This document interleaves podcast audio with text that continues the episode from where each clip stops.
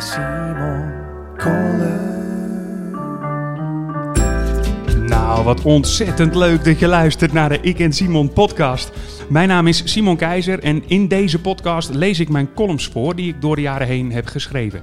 Ik heb ook een videopodcast op het Ik en Simon YouTube kanaal en daar ga ik met een sidekick dieper op de onderwerpen van mijn columns in. Wat zou het leuk zijn als je daar ook een kijkje neemt? Of niet?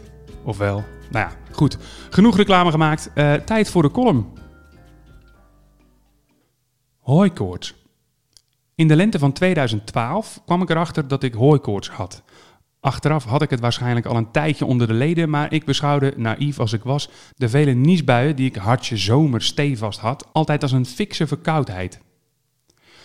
Het lastige met hooikoorts is dat er tientallen verschillende pollen en grassen zijn waar je allergisch voor kunt zijn. Dat maakt de zoektocht naar een oplossing nogal lastig.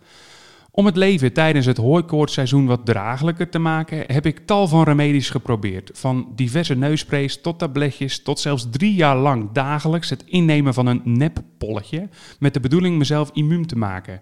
Niets lukte.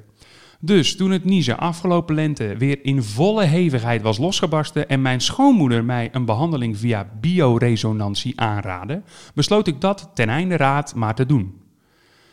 Bij bioresonantie wordt gebruik gemaakt van de energetische trillingen van de patiënt zelf, die om en in het lichaam aanwezig zijn. Voor een leek zoals ik was het nogal een vaag verhaal, iets wat de behandelend deskundige me niet kwalijk nam.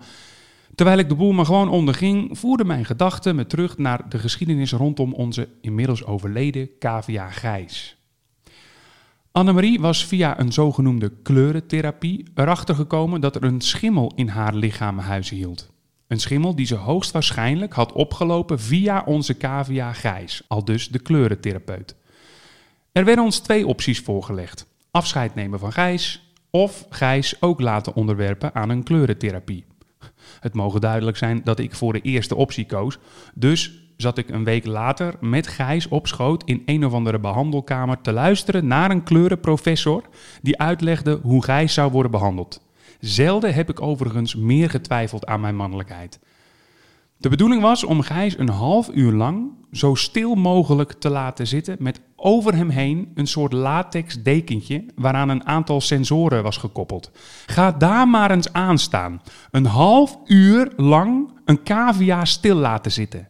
Ik wist even niet voor wie ik meer bewondering had. Voor Annemarie, omdat ze me had overgehaald om me hiermee in te laten. Of de deskundige, omdat hij erin slaagde zijn gezicht perfect in de plooi te houden terwijl hij me vertelde wat ons te doen stond. Het zal geen verbazing wekken dat Gijs bezoekje aan het Kleureninstituut eenmalig was.